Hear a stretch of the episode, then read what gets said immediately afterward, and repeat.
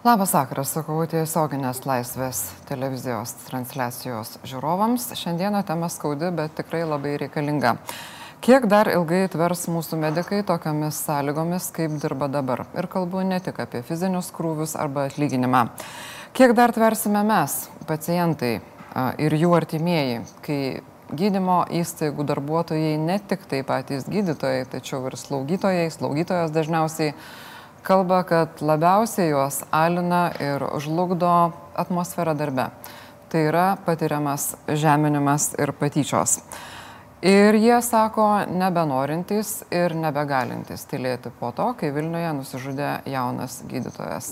Niekada nebūna vienos savižudybės priežasties, arba dažniausiai nebūna vienos, tačiau šiuo atveju yra minima kaip pagrindinė tai, kad jaunas žmogus nebeapsikentė to, kaip su juo elgiamasi darbe.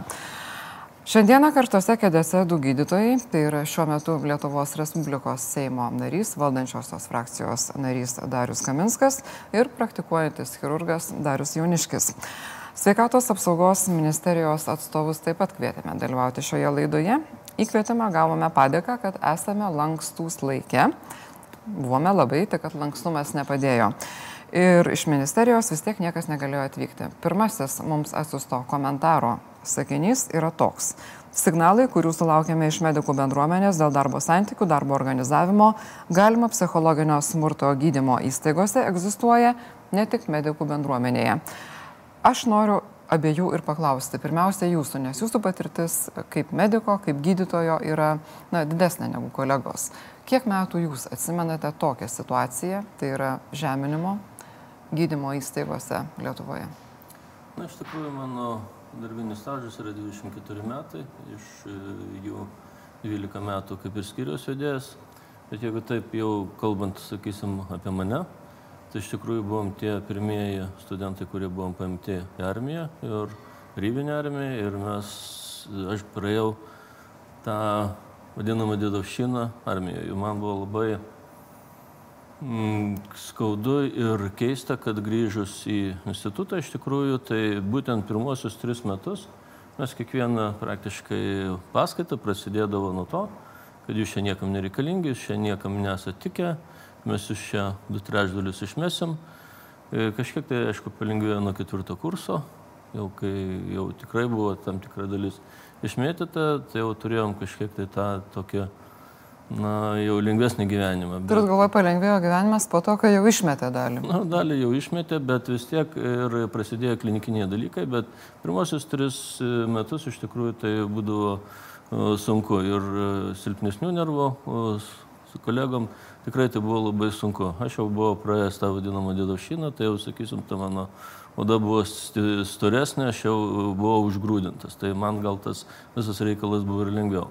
E, toliau prasidėjo rezidentūra ir e, dėja e, tas tęsiasi ir netgi, sakysim, šiek tiek ne tiek iš pačių vadovų netgi buvo problema, o buvo problema tai, kad buvo tarp pačių gydytojų. Tai liktai ta kartų problema. Mes atėjom jauni, buvo žymiai vyresni, jie liktai pajuto tokią kaip ir grėsmę, kad mes kažkokie tai konkurentai.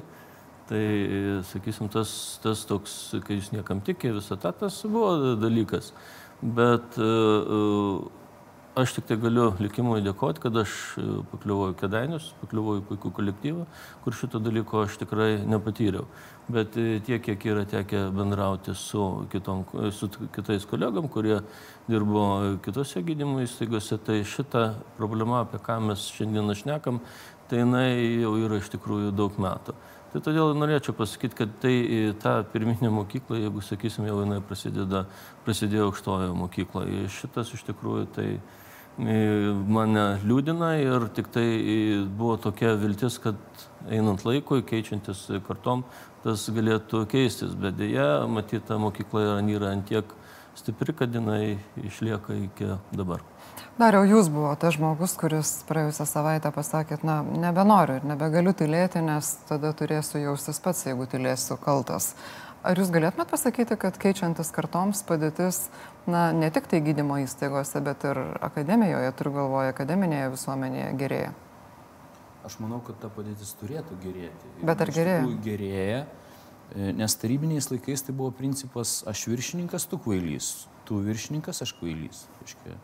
Tai, tai ir tas principas buvo gajus ir, ir medikų bendruomenėje, bet mes jau daugelį metų esam nepriklausomi ir matom, kokie kolegų santykiai yra visame pasaulyje ir niekur nesu matęs, kad būtų kažkas panašaus skyriuose visą laiką yra kolegiškumas, pagalba, supratingumas, jokio teroro, jokio, jokio įžeidinėjimo, nieko mes to nematom. Ne, nematom. Tai tokie reiškiniai turi būti tiesiog išguiti iš, iš mūsų bendruomenės, nes E, pasiekmes, kaip matom, jos, jos yra siaubingos. Kitas dalykas, žmonės, kurie yra žeminami savo, savo viršininkų, jie tampa zombiais, jie, jie nebemasto. Ar jūs norėtumėt, e, kad jūs gydytų gydytojas, kuris nemasto? Ne, aš, aš nenorėčiau, esu... kad mane gydytų gydytojas, kurį gazdina, kad jį išmes. Taip, taip, kuri, kuri, kuriam sako, kad jisai nevertas, kuris, kuris jaučiasi nepilnavertis. Jisai negali normaliai dirbti. Aš esu matęs E, ačiū Dievui, ne, ne, ne tam skyriui, kur, kur aš dirbau ar dirbu, aš niekada e, ne, nesu savo darbovietė susidūręs su tuo, bet e, kitose skyriuose aš stebėjau, kaip, kaip žmonės na, negali priimti elementarių sprendimų dėl to, kad jie yra įbauginti savo, savo viršininko, savo skyriaus vedėją. Tai baisu yra, žinokit. Baisu. Iš tikrųjų, tai yra dar kita problema, tai viršininkas Taip, jisai gali būti geras, puikus gydytojas, bet jisai nebūtinai gali būti puikiu e, vadovu. Tam iš tikrųjų tam reikalingi ir atitinkami vadybos e, supratimas ir e, žmogiškumas. žmogiškumas. Ir iš tikrųjų tai dar yra kita bėda. Tai kas yra blogiausia, tai abejingieji. Nes nuo abejingųjų, kurie mato, kad yra jų kolega skriaudžiamas, užsisėdamas, jie iš tikrųjų tyli tai ir, sakysim, bijo tiesiog atsidurti to engimo kolegos vietai. Yra kita kategorija žmonių, kurie patikaudami, norėdami dėl konkurencijos, kas e, tarp mediko tikrai, e, dar jau galim tikrai pasakyti, kad konkurencija yra didelė. Tai iš tikrųjų nori tikti viršininkui, jie prisideda tom patyčiom vėl. Tai iš tikrųjų kokiam laukia e, gydytojas dirba. Tai yra ne tik tai, kad didžiulis spaudimas iš pačio, sakysim, kolektyvo, iš vadovo, bet jisai dirba vis tiek, tai yra ekstremaliom sąlygom. Tai yra ir pacientai, ir pacientų artimieji. Tai iš jų reikalauja pačios didžiausios koncentracijos, pačių geriausių rezultatų. Ir iš tikrųjų tą, ką ir, ir šnekėm, toksai gydytojas, jeigu jis yra spaudžiamas visų šitų aplinkybių, jisai gali daryti klaidas. Jeigu jisai daro klaidas, automatiškai vėl jisai yra engiamas ir e, tai žmogų išveda iš vis, iš e, disbalansas, iš pusiausvėros. Jisai yra nebetekvatus savo darbe, tai jau yra pavojus ir e, kitų žmonių gyvybė ir jų sveikatai. Ir, na, gydytojas turbūt, kiekvienas gydytojas nori būti pats geriausias savo pacientui ir jau netgi be jokio išorinio spaudimo jis jaučiasi įsitempęs, norėdamas to pasiekti. Mūsų, mūsų specialybė yra tokia, kad mes e, visą laiką privalom atiduoti save šimtų procentų. Mes šimtų, procentų turime būti susikoncentravę, mes šimtų procentų turime mąstyti greitai, tiksliai, ir, nes, nes atsak, mes esame atsakingi už žmogaus gyvybę, už žmogaus sveikatą. Tai yra labai svarbu. Tai tokiais atvejais žmogus, kai, jeigu jisai psichologiškai palauštas, jisai negali priimti greitų sprendimų, jisai tada pasimeta, jisai skambina vedėjui, klausia, ką man dabar daryti, atsakymas dažniausiai būna elementarus. Tai, tai sakau, tai, tai, yra, tai yra baisi psichologinė būsena, kai, kai žmogus na, negali, negali normaliai dirbti. Bet kodėl taip yra, kad šitiek metų visi, kaip dabar paaiškėjo, na ne visi, bet dauguma, sako, jo mes žinojom, mes matėm, turbūt reikėjo kažką daryti, atsiprašo Velionio nusižudžiusio gydytojo, kad nepadarė, kodėl žmonės kenčia. Iš tikrųjų, e, žinot, yra pats baisiausias dalykas, kai šitas yra baime, kaip ir minėjau, jinai prasideda nuo e, aukštosios mokyklos kada tu pastoviai gyveni baimė, tai ta, ta baimė jinai generalizuojasi. Iš tikrųjų, tai jinai tampa jau kaip e, tokia kuprata vadinama. Ir aš pasakyčiau, kad šita nelaimė, tai buvo tas paskutinis matyt lašas ir tas trigeris, kuris pradėjo žmonėms leisti šnekėti. Tai aš labai užjaučiu šeimą, nenoriu daugiau čia tuo atžvilgiu plėstis, bet iš tikrųjų, kad e, žmonės pradėjo šnekėti, kokia yra ta situacija, kad mes ją galėtume keisti. Netgi toks dalykas e, visą laiką klausia, ką dabar reikėtų iš tikrųjų daryti. Reikėtų pradėti e, šnekėti ir nebijoti, sakyti, kokia tai yra situacija. Jeigu, sakysim, skyrius ar toje pačioje gydymo įstaigoje pagaliau turi atsirasti, kad žmogus galėtų kur pasakyti. Jeigu jisai bijo, tai bent jau kad anonimiškai. Iš tikrųjų dabar yra ir profsąjungos, ir darbo tarybos, tas vadinamas, tai iš tikrųjų tai būtų galima daryti ir atitinkamas apklausas, įvertinti tų pačių skyrių, aplamai e, darbinę tą atmosferą, pačio kaip e, organizacijos e, šitą, kokia yra kultūra.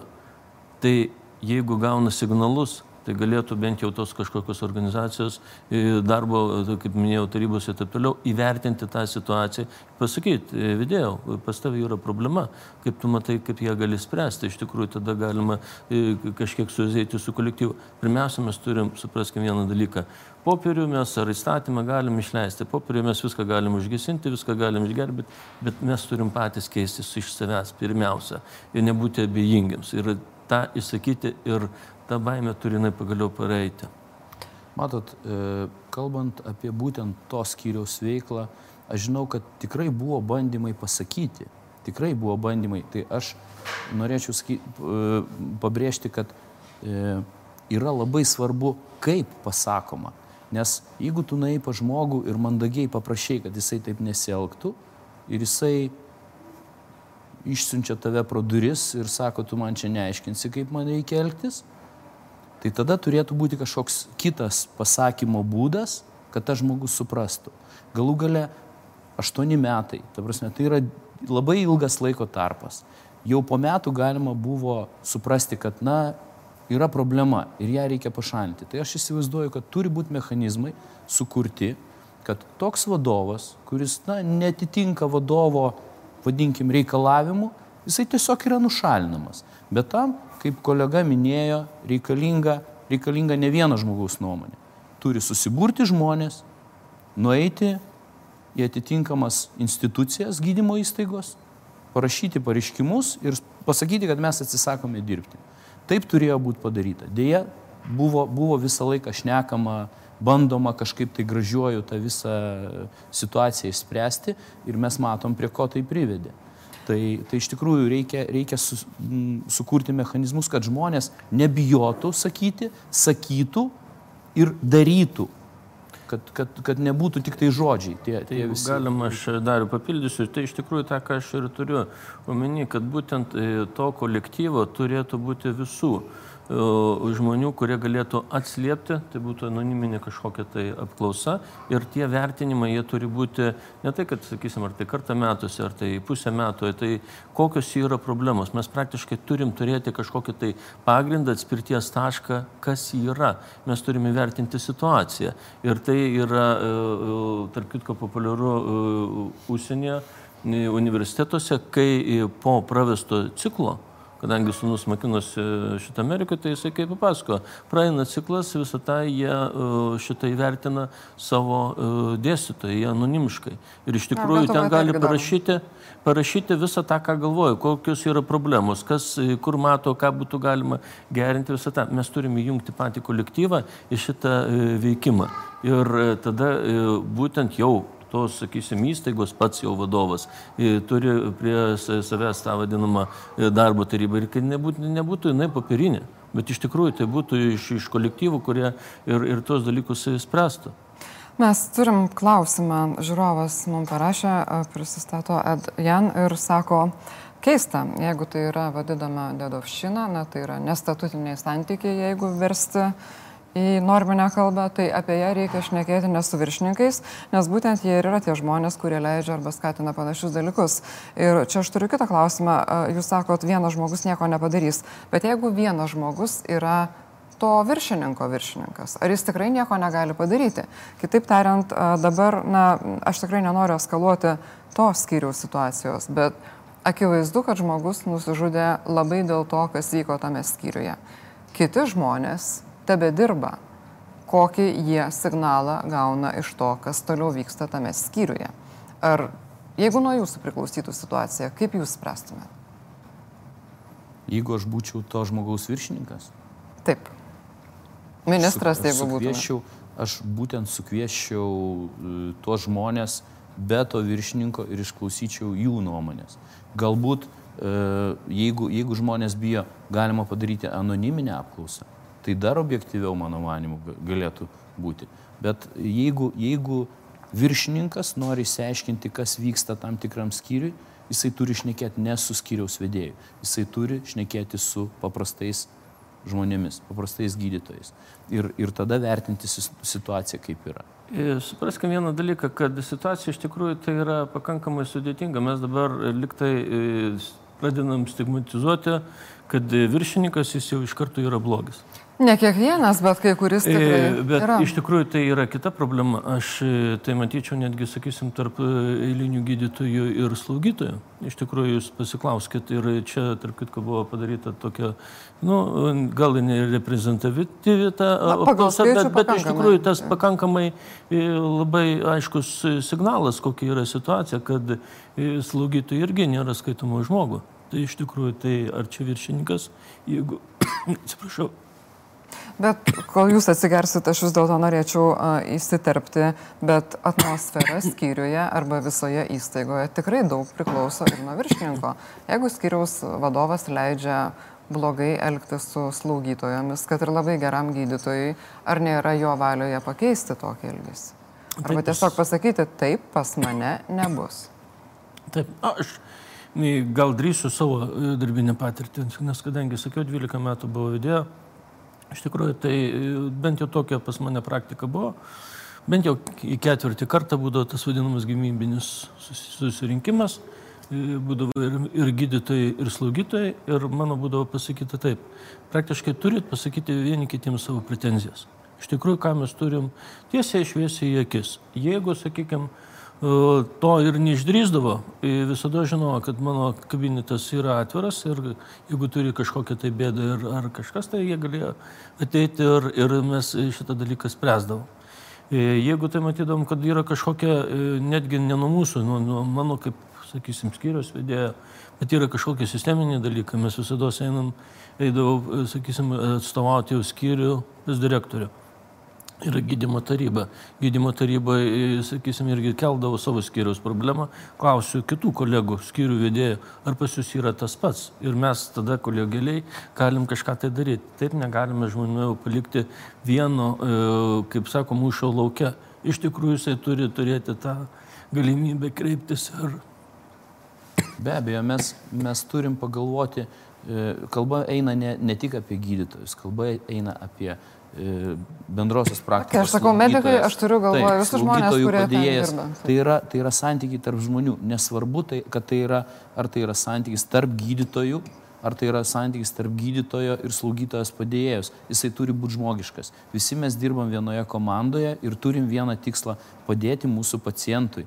Ir ta pagalba turi būti, na, kuo efektyvesnė. Jeigu mes nesugebam dirbti komandoje, nesugebam dirbti kartu, iš karto mes, mes e, turim blogą rezultatą.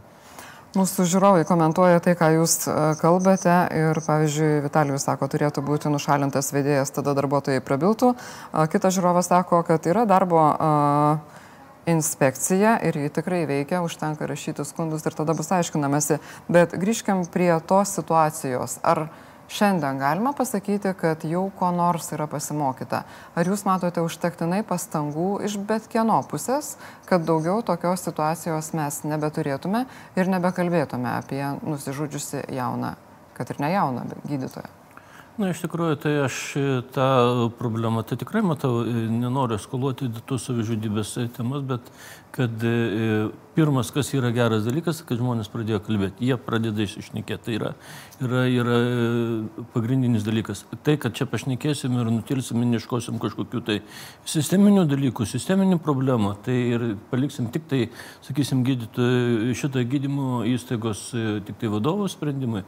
Tai aš nemanau, iš tikrųjų tai reikėtų tą tokią plačią gal ir diskusiją, ką žmonės mano, nes vėl jeigu vėl suvesim tai, kad ministras ar ten, sakysim, Seimo narys, jisai geriau žino už visus kitus, tai mes nieko nepasieksim. Iš tikrųjų, tai turi būti plati diskusija, tai turi, turim susėsti ir šnekėti, kur kokie yra sprendimo būdai.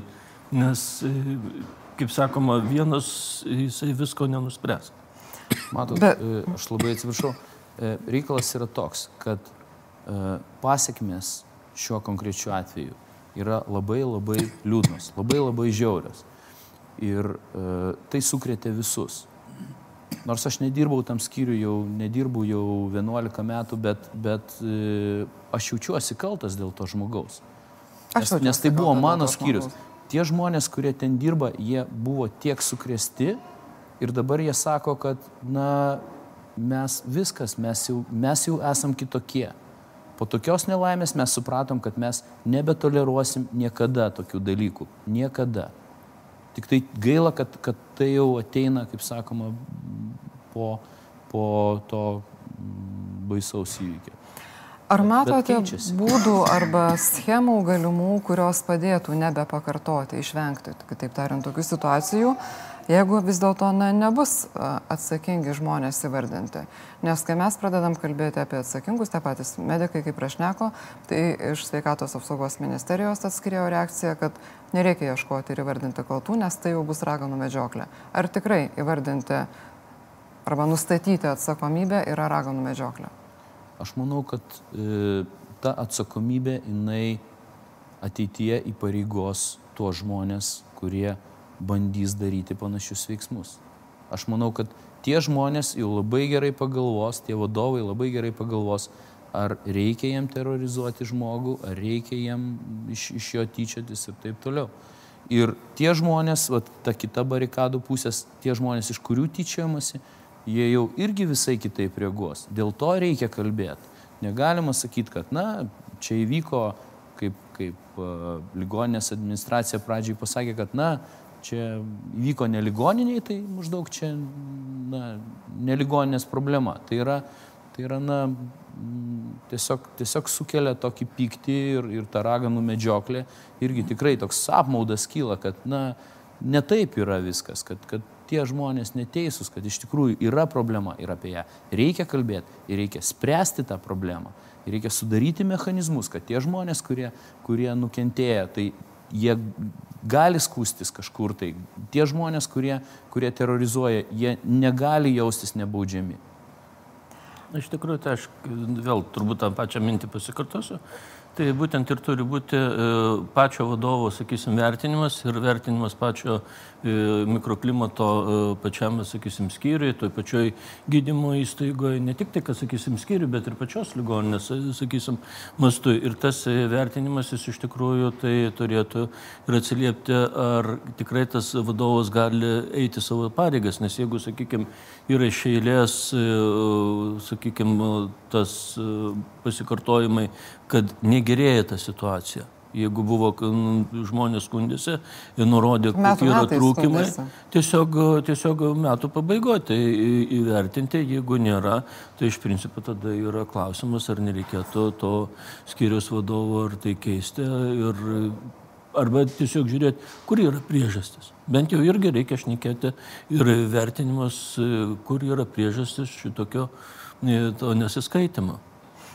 Jeigu vadovas bet kokios skyriaus, bet kokioj ligoninėje, nors vėlgi remiantis tą a, pačių gydytojų atliktą apklausą, tai labiau yra didelių ligoninių problema negu kad mažesnių. A, bet kokioj ligoninėje, jeigu yra tokia atmosfera, kiek tada galima tikėtis, kad tiesioginis vadovas pastebės, kad gydytojas yra pervergęs arba kai kalbam apie medikus, a, naudojam tą terminą perdėgęs.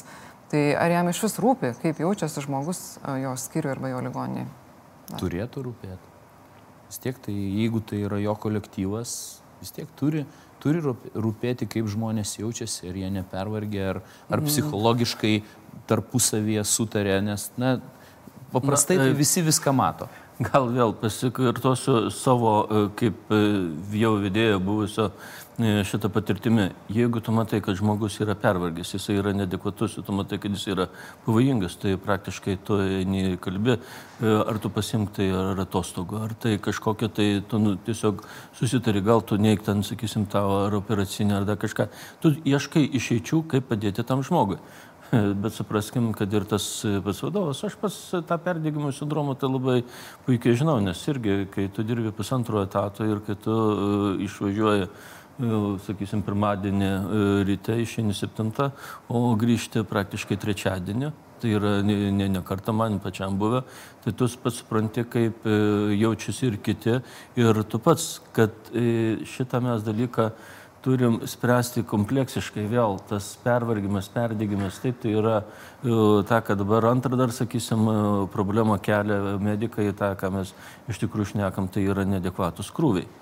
E, tai e, supraskim, kad gydytojas irgi yra žmogus, jisai turi tam tikras savo darbinės ribas. Na, sakykim, tai jeigu, kad ir dirbantis poliklinikoje, ne, ne vien tik tai apie skyrius, jeigu jisai turi epidemijos metu, kai būna jisai priema 60-70 pacientų, tai atsiprašau. Netgi, sakysim, ta mūsų teisinė bazė, tai Nu, drįsiu pasakyti, kaip buvo tas vadinamas prezidentinis įstatymas, numatant, kiek, per kiek dienų turi priimti e, šitą pacientą. Iš kur tokie skaičiai buvo, kuo remintis, tai aš, pavyzdžiui, visą laiką klausiu, ir komitete man niekas neatsakė tai buvo nuleista septynios dienos, per septynias dienas turi pakliūti pas vieną visatą. Tai kas palikta e, diskrecija būtent e, vadovui poliklinikos nustatyti, per kiek, galima, kiek, kiek reikia priimti gydytojų žmonių. Tai jeigu pacientui yra skiriama 10 minučių, žinot, aš tikrai, sakau, 24 metus pradirbęs gydytojo praktikų, man tai yra ir dabar aš stebiuosi, kaip, jis, kaip galima per 10 minučių apklausti, pamastyti, e, kokia čia gali būti situacija, paskirti gydimą, nurodyti tyrimus ir taip toliau. Tai mes patys e, šičia, jeigu yra toks, toks sugrūdama, tai mes pradėkim šnekėti ir apie darbo krūvį, koks iš tikrųjų, kiek reikia pacientui, nes tai yra pavojus jų pacientui. Ar jisai gali gauti normalų gydimą? Mes šnekam apie eilės. Mes tada turėtumėm kalbėti apie tai, kad neturėtų būti atidedama į rezervo fondą porą šimtų milijonų, kurie iš tikrųjų turėtų būti išleisti apmokėti paslaugas, kurias suteikia gydytojai. Bet grįžkim prie atmosferos a, gydymo įstaigose ir kaip ją pagerinti. Sveikatos apsaugos ministerija sako, kad bus tariamasi, bus kalbama, kas yra gerai ir kad bus kuriamos galbūt mobilios grupės, kurios važiuos į ligoninės ar poliklinikas ir ten aiškinsi situaciją. Ar tas gali padėti? Ar tai padrasins žmonės eiti ir kalbėti pas, na, ne savo įstaigos kokius nors vadovus, bet tuos vadinamosius iš šono? Dariu, Aš įsivaizduoju, jeigu atvažiuoja kažkokie tai žmonės, kurių, kurių na, tu nepažįsti, tai, tai e, tau galbūt anonimiškai lengviau kalbėtis negu su tai žmonėm, kurie tave pažįsta ir kur tu paskui bijosi, kad jie tave terrorizuos. Tai aš, aš tikrai sveikinčiau šitą iniciatyvą ir, ir tikrai, jeigu ministerija gauna signalą iš kažkokio skyriaus, kad kažkas tai vyksta, atvažiuoja komanda, įsiaiškina e, ir, ir padeda priimti atitinkamus sprendimus.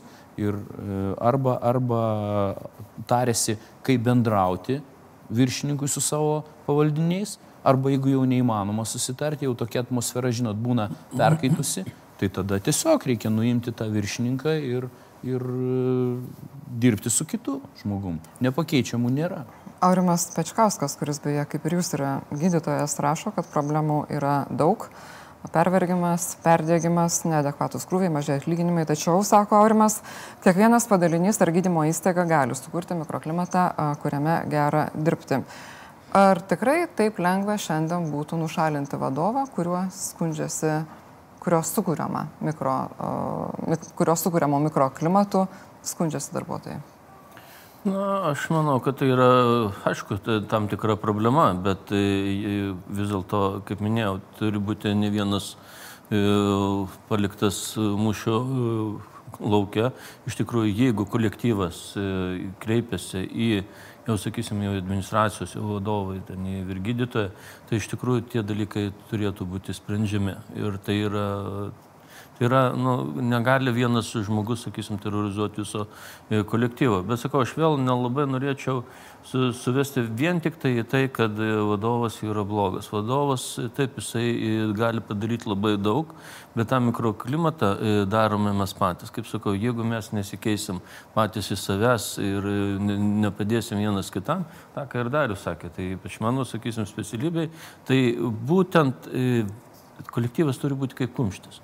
Nes įvykus ekstriniai situacijai, jeigu prasidės tai, kad aš čia eisiu, padėsiu, nepadėsiu, žiūrėsiu, tik tai mano baigėsi darbo valandos, ar čia, čia manęs tai neliečia, tai tada mes nu, neturėsim net to mikroklimato normalaus, bet kaip ir pirmiausia, tai vis dėlto mūsų visų yra tikslas, kad ir būtų sveikas suteikti pagalbą žmogui, pacientui, kad jisai būtų gautų didžiausią naudą iš tikrųjų yra labai geras posakis. Jeigu nori, rasi būdą, nenori, rasi priežastį.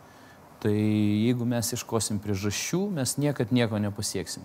O jeigu mes ieškosim būdų, tai aš įsivaizduoju, bet kokioje situacijoje įmanoma pasiekti.